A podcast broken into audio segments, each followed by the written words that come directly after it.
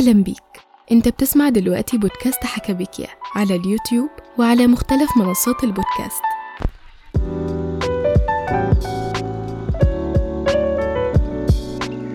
أنا اسمي إسراء عفيفي. هاخدكم في رحلات خفيفة منها طويلة المدى ومنها قصيرة المدى بس الأكيد إنها هتكون رحلات ممتعة وثرية وشيقة.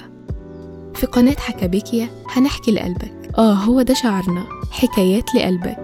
حكايات منها كتب صوتية ومنها مقالات أو كتابات مختارة بدقة بالفصحى وبالعامية.